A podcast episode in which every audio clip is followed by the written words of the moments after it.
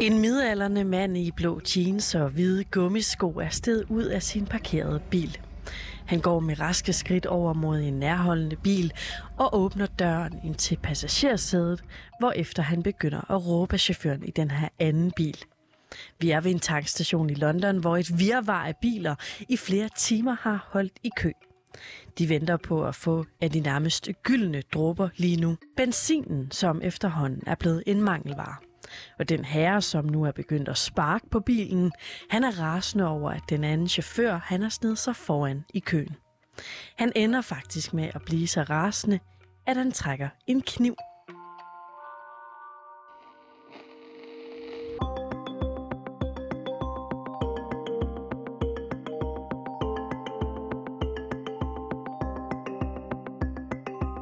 Storbritannien er i krise. Og for lige at forstå, hvor alvorligt det egentlig er, så kaster jeg altså lige nogle tal i hovedet på dig. Siden Brexit, der har 20.000 lastbilchauffører forladt landet, og derfor så vurderer man lige nu, at man mangler op mod 100.000 chauffører. Og det har altså medført, at man mangler benzin, man mangler mad, og man mangler udstyr i sundhedsvæsenet. Landet, som kender sig selv som enevældig og storladen, mangler altså pludselig de mest basale ting, og derfor så taler man ikke bare om en forsyningskrise, men også en decideret identitetskrise. I dagens udsyn, der spørger vi, hvad der gik galt i Boris Johnsons Brexit-plan, og hvad han så har tænkt sig at gøre ved den situation, som britterne står i nu.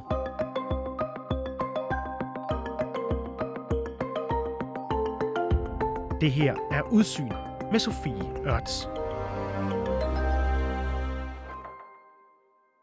Storbritannien har altid gået op i at være sådan excellence. Øh, altså, man skal have fortræffelige skoler, man skal have et fortræffeligt øh, sundhedssystem, man skal ligesom være verdensførende. Og det, som man lige nu oplever, hvor der ikke er benzin nok, øh, og landmænd må lade deres høst øh, droppe til, til, til jorden og ikke høste, og at man oplever fødevaremangel øh, i øh, supermarkederne, det rimer rigtig dårligt på den der øh, selvopfattelse, øh, som Storbritannien har. Mette Dalgaard, hun er Louds korrespondent i Storbritannien. Hun bor i London. Og herfra der har hun set, hvordan britterne de har håndteret den her forsyningskrise, som landet står i lige nu. En krise, der som sagt blandt andet er gået ud over tankstationerne. Her der mangler godt og vel halvdelen benzin lige nu. Helt konkret så har jeg talt med forældre på min børns skole, som ikke længere tager bilen, men henter og bringer deres børn øh, via offentlige midler, fordi, eller via offentlige transport, fordi de ligesom ikke, øh, de vil ligesom spare på benzinen. Øh, der findes også skoler, som, øh, som ikke længere holder sig til den her planlagte menu, hvor at man, øh, altså skolemadsmenu, hvor at man sørger for, at der er masser af vitaminer og øh, bredt ud, øh, udvalg af forskellige smagsoplevelser. Øh, den er ligesom lagt på hylden, den her sådan, fine menu, og i stedet så får børnene bare suppe og sandwich, fordi det er de mest sikre ingredienser, man, man, man kan forudse, at man vil have sådan fremadrettet. Man kan også se det øh, i forhold til øh, praktiserende læger. De har fået besked på, at de skal kun tage de mest, allermest nødvendige blodprøver. Og det skal de, fordi at de her blodprøveglas, som man er så afhængig af, øh, de er i restordre. Og så er der jo så de her tomme hylder i supermarkedet. Og der skal man så forestille sig, at det er jo ikke sådan, at alt ligesom bare er blæst væk. Man kan sagtens købe grøntsager, man kan sagtens købe kød, man kan, man kan endda også være heldig at få brød og øh, mælk. Men det er bare nogle dage, hvor du måske ikke kan få mælk, fordi at øh, lastbilchaufførerne ikke har været forbi med nye forsyninger. Og meget apropos mælk, så kan den her krise altså også mærkes ude hos de britiske landmænd. Her i weekenden er det også kommet frem, at, øh, at nogle landmænd frygter, at de ikke kan øh, få deres slagtesvin slagtet, og, øh, og de siger, at, de, at det er muligt, at, at de må øh, lade 120.000 svin gå til grunde, altså køre dem til destruktion, og ikke ind i en slagtehal, øh, fordi at der ikke længere er den her nødvendige, billige arbejdskraft fra EU, som har været med til at holde den her store maskine, som Storbritannien er, kørende. Så alle de her historier, vi har med slagtesvin, der muligvis bliver kørt til destruktion, benzinmangel og fødevaremangel, det er alt sammen symptomer på, at man lige nu er i en situation, hvor at man skal finde sin egen ben uden arbejdskraft fra EU. Og det er altså sådan cirka her, vi rammer hovedet på sømmet i den her britiske krise. Der er nemlig to årsager til, at britterne de i dag står med den her kæmpe mangel på chauffører og de forsyninger, som de altså normalt kører ud.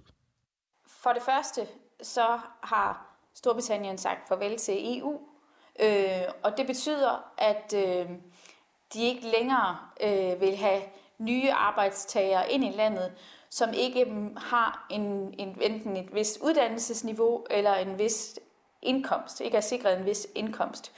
Så for eksempel lastbilchauffører, øh, de, øh, går ligesom, de bliver sorteret fra. Man vil gerne have øh, phd studerende og læger ind, som ligesom kan løfte samfundet, men man siger øh, i stigende grad nej tak til, til den arbejdskraft, som for eksempel øh, lastbilchauffører og øh, frugtplukkere og slagterimedarbejdere osv., dem siger man i stigende grad nej tak til, og altså, man har ikke selv øh, nok personer inden for de her faggrupper. Og den her krise, den er så blevet forstærket af en anden årsag, nemlig coronapandemien. Da pandemien kom, så betød det også, at mange, der var her fra for eksempelvis Polen og øh, Rumænien og Tyskland, øh, og som havde de her lavt lønnede job, man havde ikke regnet med, at de ville sige farvel og tak. Men det gjorde mange, fordi at situationen var så usikker, at man ligesom søgte hjem til sit eget hjemland øh, under pandemien. Så det er, det er ligesom en, en kombination af forskellige ting, der gør, at man ligesom er tørlagt for en vis type medarbejdere. Og som du hørte i begyndelsen af den her podcast, ja, så er det altså især de her tomme benzinstandere rundt omkring på tankstationerne, der har fået mange britter sind i kog lige nu. Vi kan se, at der er lange køer øh, ved tankstationerne, og vi, øh, vi hører også, at øh, øh, sådan om, om bilister, der ligesom jager de her shell-lastbiler, der kører rundt øh, for at lave forsyninger til, til tankstationer, fordi man ligesom er så desperat efter at få øh, benzin. Øh, vi har også øh, hørt om øh, øh, folk, der tanker benzin i syltetøjsglas og gemmer det inde i huset øh, i sådan nogle private lager. Og det er måske ikke det smarteste, fordi det er jo altså højpotent øh, brændstof, som folk har stående hjemme i nogle ikke særlig sikre øh, beholdere. Så med det, der er altså efterhånden øh, ikke nogen tvivl om, tænker jeg ikke, at britterne de står med et kæmpe stort problem. Men hvad har regeringen, ført an af Boris Johnson, egentlig tænkt sig at gøre ved den her situation? Jamen, altså der er ligesom nogle forskellige håndtag, som man kan øh, dreje på. Hvis vi, hvis vi kigger på øh, eksempelvis øh, det med benzinmanglen, så har øh, Boris Johnson øh, i mandags sat øh, militæret ind for at kunne køre øh, med de her store øh, lastbiler øh, rundt med benzin. Fordi det er jo faktisk ikke benzin, der mangler, det er ligesom arbejdskraften, der skal køre den ud, der mangler. Øh, og det gør han, fordi at øh, folk ligesom beklager sig over, at de ikke kan komme på arbejde. Og noget af det, som ligesom rammer regeringen ekstra hårdt lige nu, det er, at selv øh, de sådan allermest nødvendige øh, arbejdstager, altså læger og sygeplejersker og andet sådan sundhedspersonale, de har sagt, at den her benzinkrise gør, at de ikke kan komme på job. Og det er ikke særlig betryggende, fordi lige nu har vi jo stadigvæk en pandemi, der raser for fulde gardiner herover. Øh, altså over 30.000 britter bliver, bliver dagligt t- øh, testet positiv for corona, og bare den seneste uge er cirka 5.000 personer indlagt. Så han bliver ligesom også nødt til at gøre noget, og derfor har han så sat militæret ind. Og netop Boris Johnson, han har øh, fået kritik for ikke at gøre nok under den her krise. Til gengæld så siger han, at øh, tingene de giver ret god mening lige nu. Det siger han her i et interview med BBC. What we can't do is, uh, in all these sectors, simply uh, go back to the tired, failed old model, uh, reach for the lever called uncontrolled immigration. Let me ask you about and, something and, else. And, and yes, So we're talking about- there will be a period of, of adjustment, but that is, I think, what the, we need to see. Britterne har altså brug for en periode, hvor tingene måske ikke lige går, som man havde regnet med. Ifølge Mette Dalgaard, så er der en ret oplagt forklaring på Johnsons måde at håndtere det her på. Når man står i en krise, og det gør de, øh, altså det må man bare sige nu, øh, udover at man lige nu har nogle ret sådan håndgribelige problemer på bordet med mangel på arbejdskraft og så, så videre, samtidig med at man har en pandemi, som man stadigvæk ikke har fået har fået øh, styr på, så tror jeg også, altså det, kan, det kræver jo en eller anden form for lederskab. Og man skal også vide, at Boris Johnson, han er jo en overbevist øh, Brexiteer. Altså han, han mener, at det her det er den rigtige vej. Øh, og, og derfor så, øh, så kan han jo godt lave nogle små justeringer, men han siger også, at det er faktisk ikke noget, vi skal lovgive os ud af det her. Det er noget, som samfundet som sådan må indrette sig på. Og det har han altså også en plan for, hvordan det så skal foregå. Vi må have øh, arbejdsgiver til at øh, øh indgå sådan på, på, på det nye konkurrencemarked og begynde at sætte lønningen op, lønningerne op for, for lastbilchauffører, så det kan blive et attraktivt job for andre britter at tage.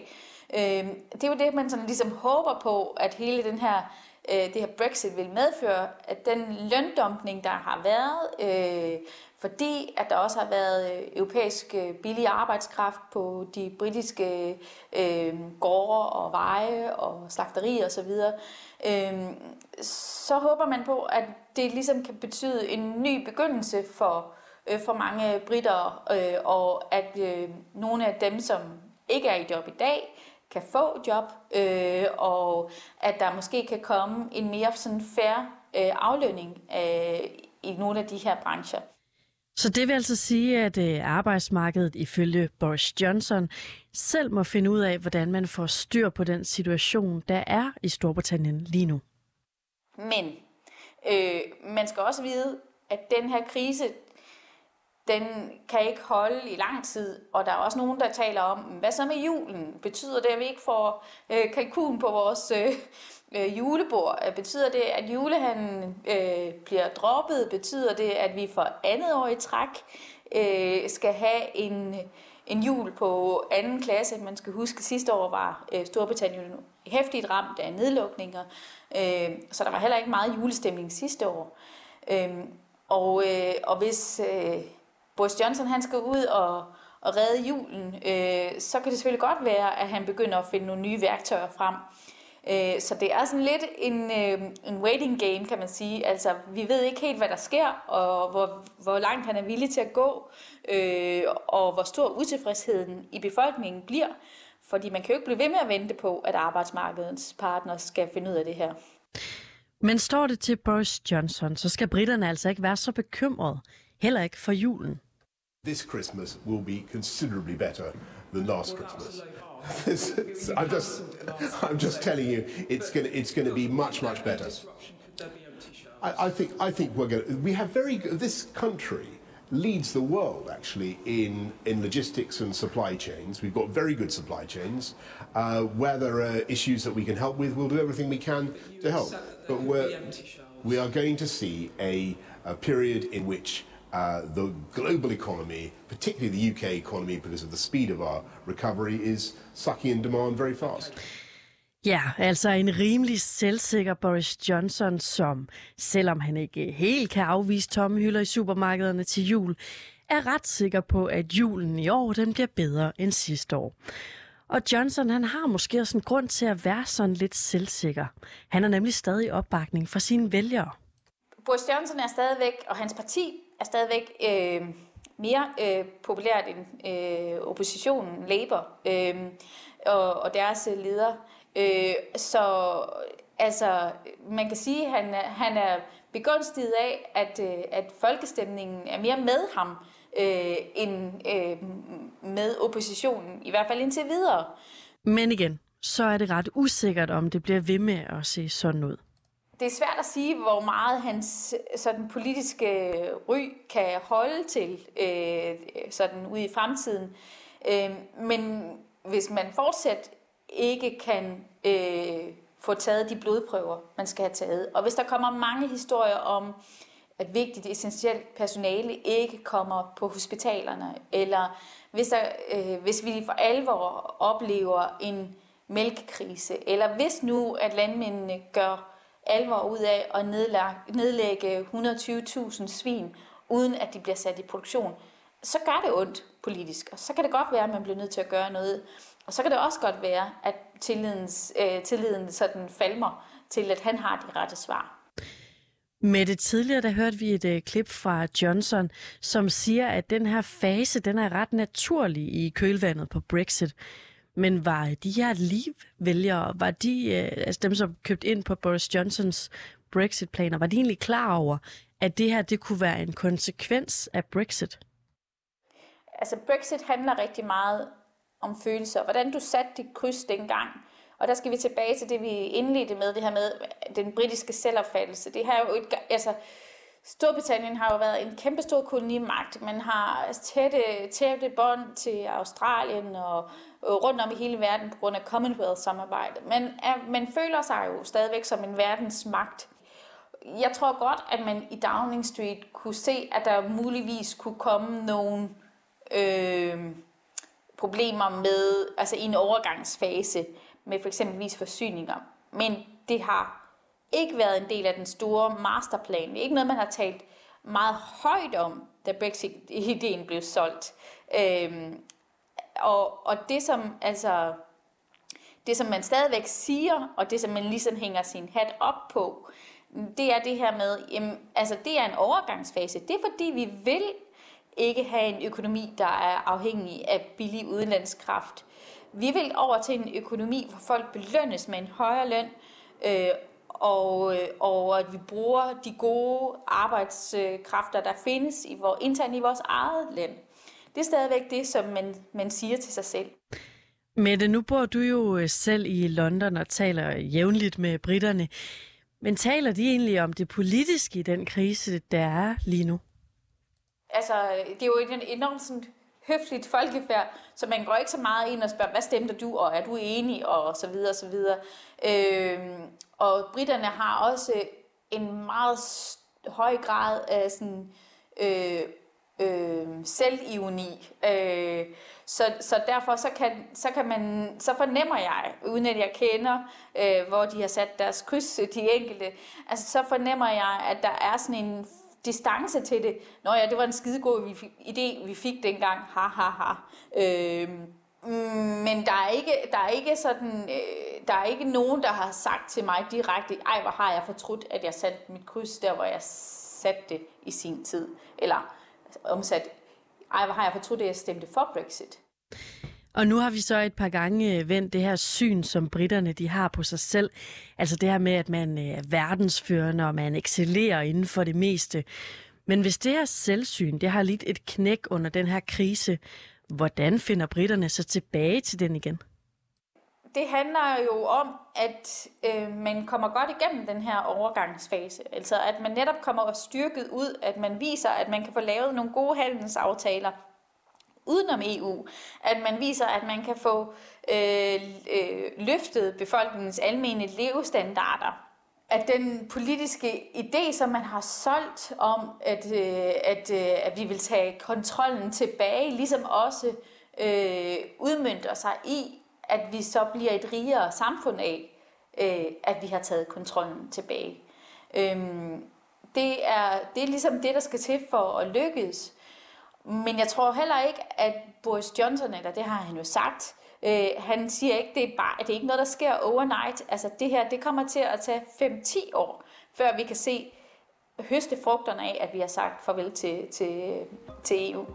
Øh, så han, han siger heller ikke, altså han sælger ikke en drøm, det gjorde han måske under, øh, under selve kampagnen og sådan noget, men efter han er kommet ind i Downing Street, så sælger han jo ikke en, en drøm om, at det bliver godt i morgen. Han siger, det tager tid. I think we should take the chance now as a country to take back control.